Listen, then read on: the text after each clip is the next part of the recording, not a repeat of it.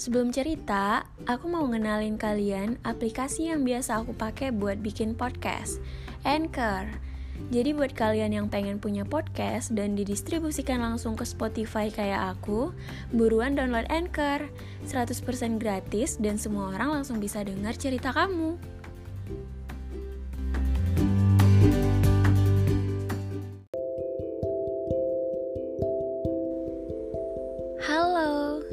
Jumpa lagi sama aku. Gimana kabarnya hari ini? Semoga selalu baik ya. Waktu kecil, kalian pasti pernah ngerasain luka. Bukan, bukan luka hati, luka fisik. Karena jatuh dari sepeda misalnya. Waktu itu mungkin dari kalian ada yang nangis atau ada yang enggak. Terus ketika dewasa, luka itu masih ngikutin kalian walaupun dulu udah diobatin, udah diplester.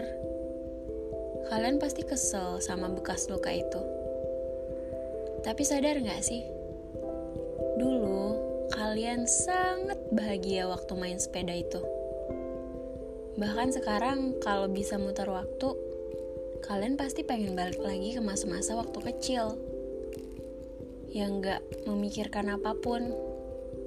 Yang kerjanya cuma main-main doang. Nah, kayak gitu juga orang yang udah ngasih kita luka. Mungkin kita ngerasa kita benci banget. Tapi gak bisa dipungkiri bahwa orang itu udah pernah kasih kita bahagia. Bedanya, yang ini lukanya nggak kelihatan.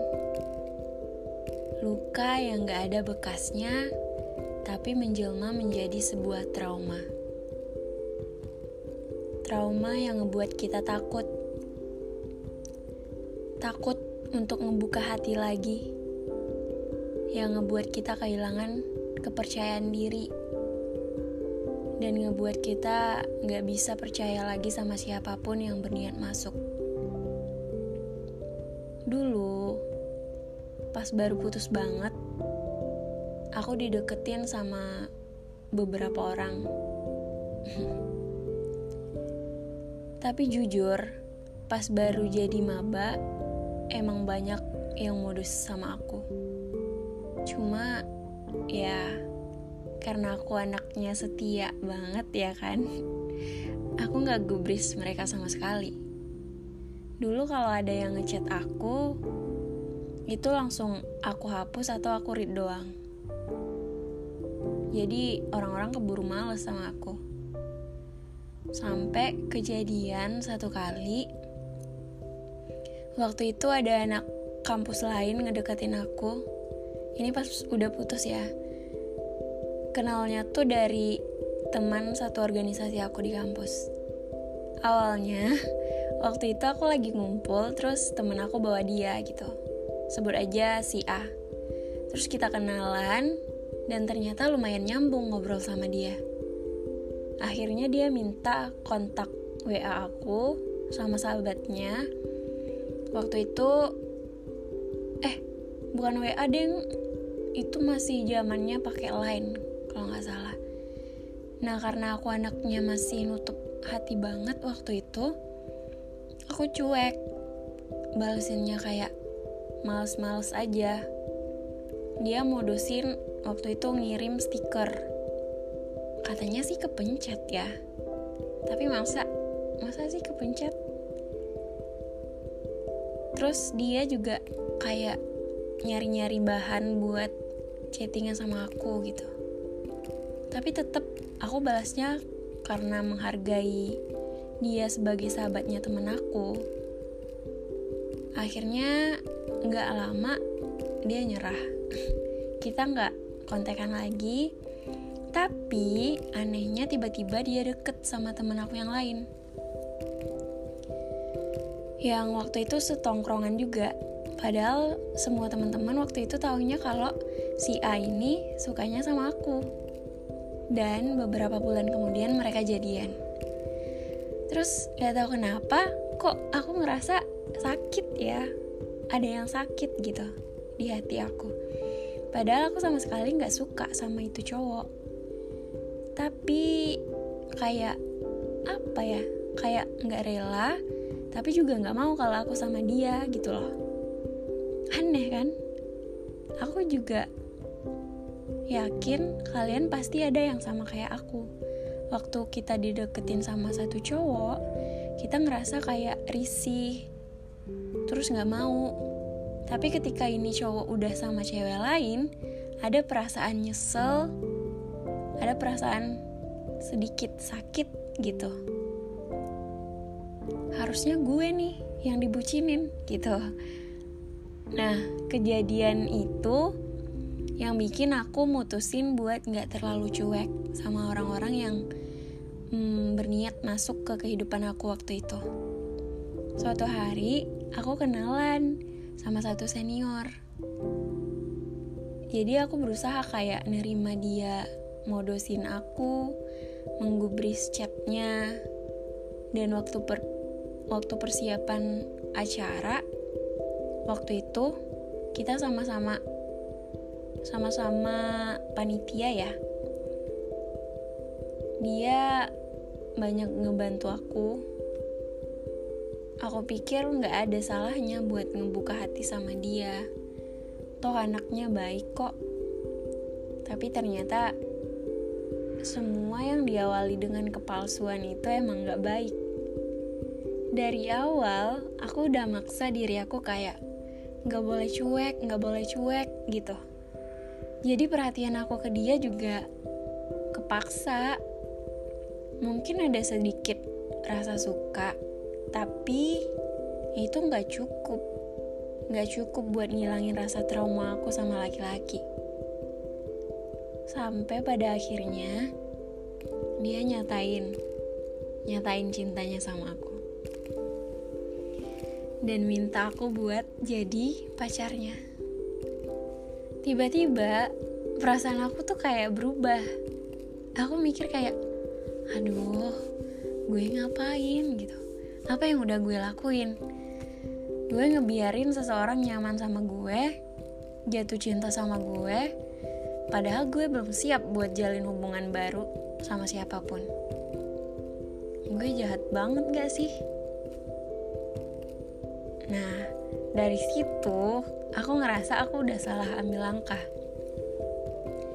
Harusnya aku sembuhin dulu luka aku baru ngebiarin orang masuk bukan malah ngasih dia jamuan untuk masuk.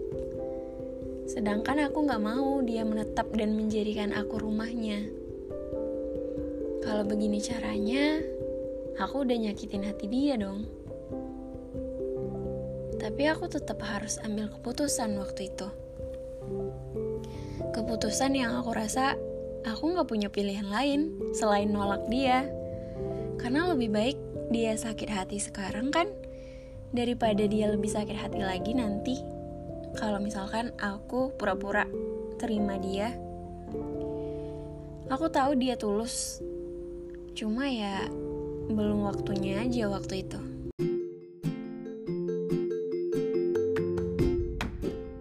Buat kalian yang pengen bikin podcast kalian sendiri dan bisa didengerin semua orang di Spotify, langsung aja download Anchor, aplikasi gratis untuk bikin podcast dengan mudah. Karena mungkin aja cerita kamu bisa jadi pelajaran buat orang lain.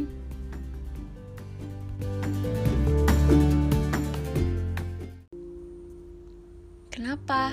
Katanya. Aku lagi gak mau pacaran, Kak. Kataku waktu itu. Terus maunya apa? Maaf, Kak. Aku gak bermaksud buat mainin hati kakak, tapi aku gak bisa karena belum move on ya. Aku terdiam. Tapi kamu udah buat aku jatuh cinta. Kamu harus tanggung jawab, katanya sambil sedikit ketawa. Aku tahu waktu itu dia berusaha ngajak aku bercanda. Tapi aku juga tahu kalau ada harapan yang tersimpan dalam hati dia. Jangan kak, jangan jangan jatuh cinta sama aku lukaku masih baru. Hati aku udah nggak utuh. Dan aku nggak tahu apa aku bisa sembuh atau enggak. Mungkin banyak hal-hal indah yang akan terjadi kalau aku buka hati lagi.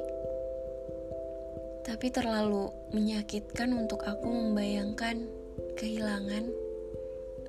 Terlalu menakutkan, Kak. Aku bahkan kehilangan kepercayaan diri.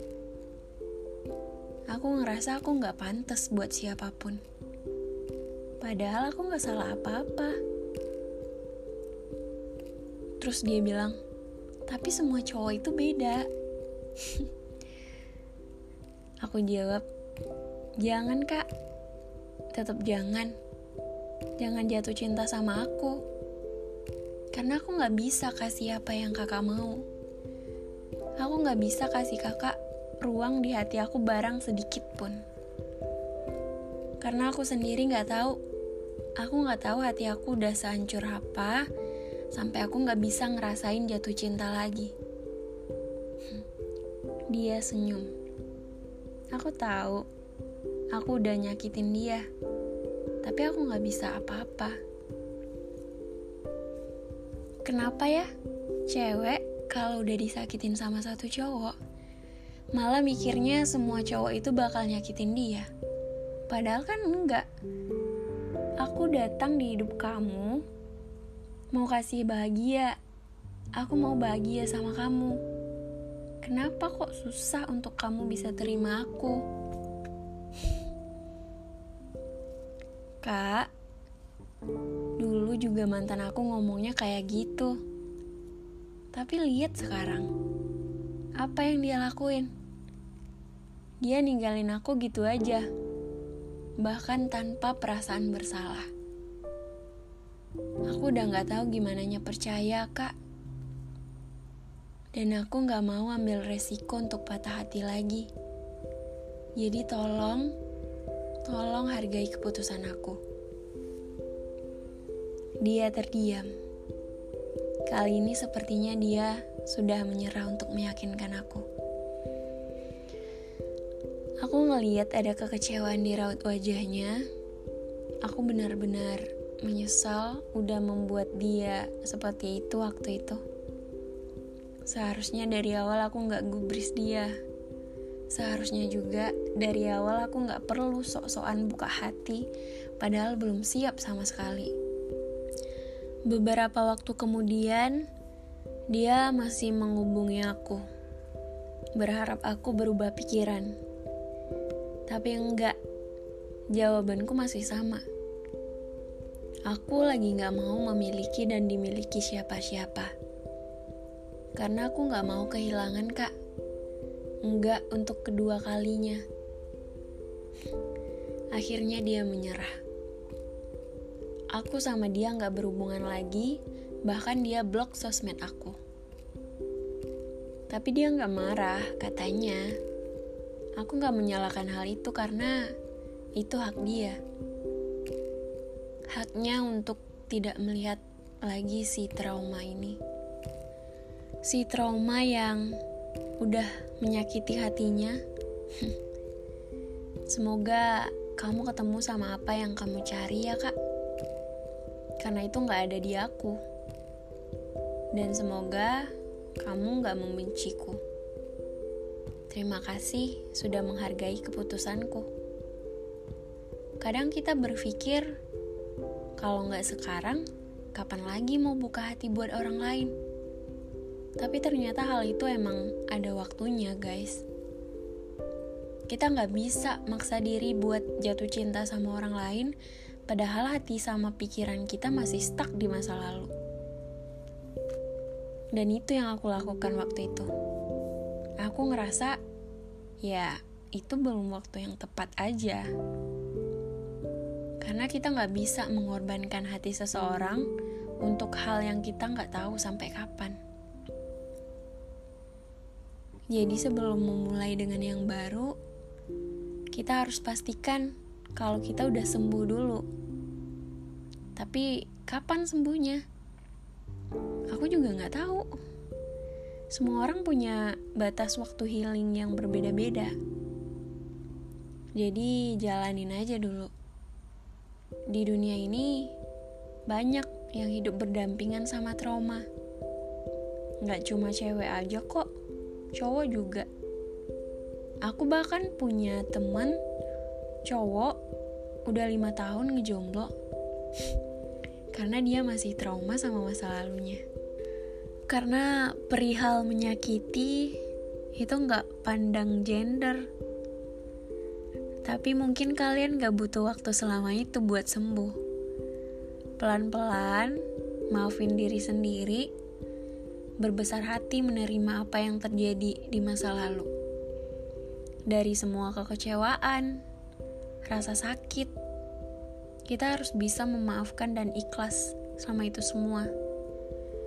Karena dari semua luka-luka itu, kita bisa belajar supaya nantinya nggak salah pilih orang lagi. Segitu aja deh dulu.